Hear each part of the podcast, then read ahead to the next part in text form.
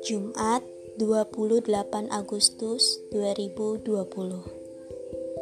Sejak kecil, ada doktrin tak kasat mata yang kita anut dan yakini. Lahir, sekolah, kuliah, bekerja, menikah, punya anak, lalu mati. Seolah inilah rumus hidup bahagia yang paling hakiki. Tidak salah juga untuk percaya, tapi bagian paling menyiksanya ialah saat di beberapa fase kita tertinggal dari teman sebaya.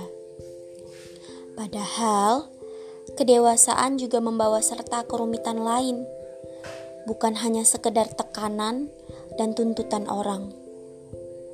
Dan saat gagal beberapa kali, sedikit banyak citra diri berubah, dan kita sebut diri sendiri kegagalan.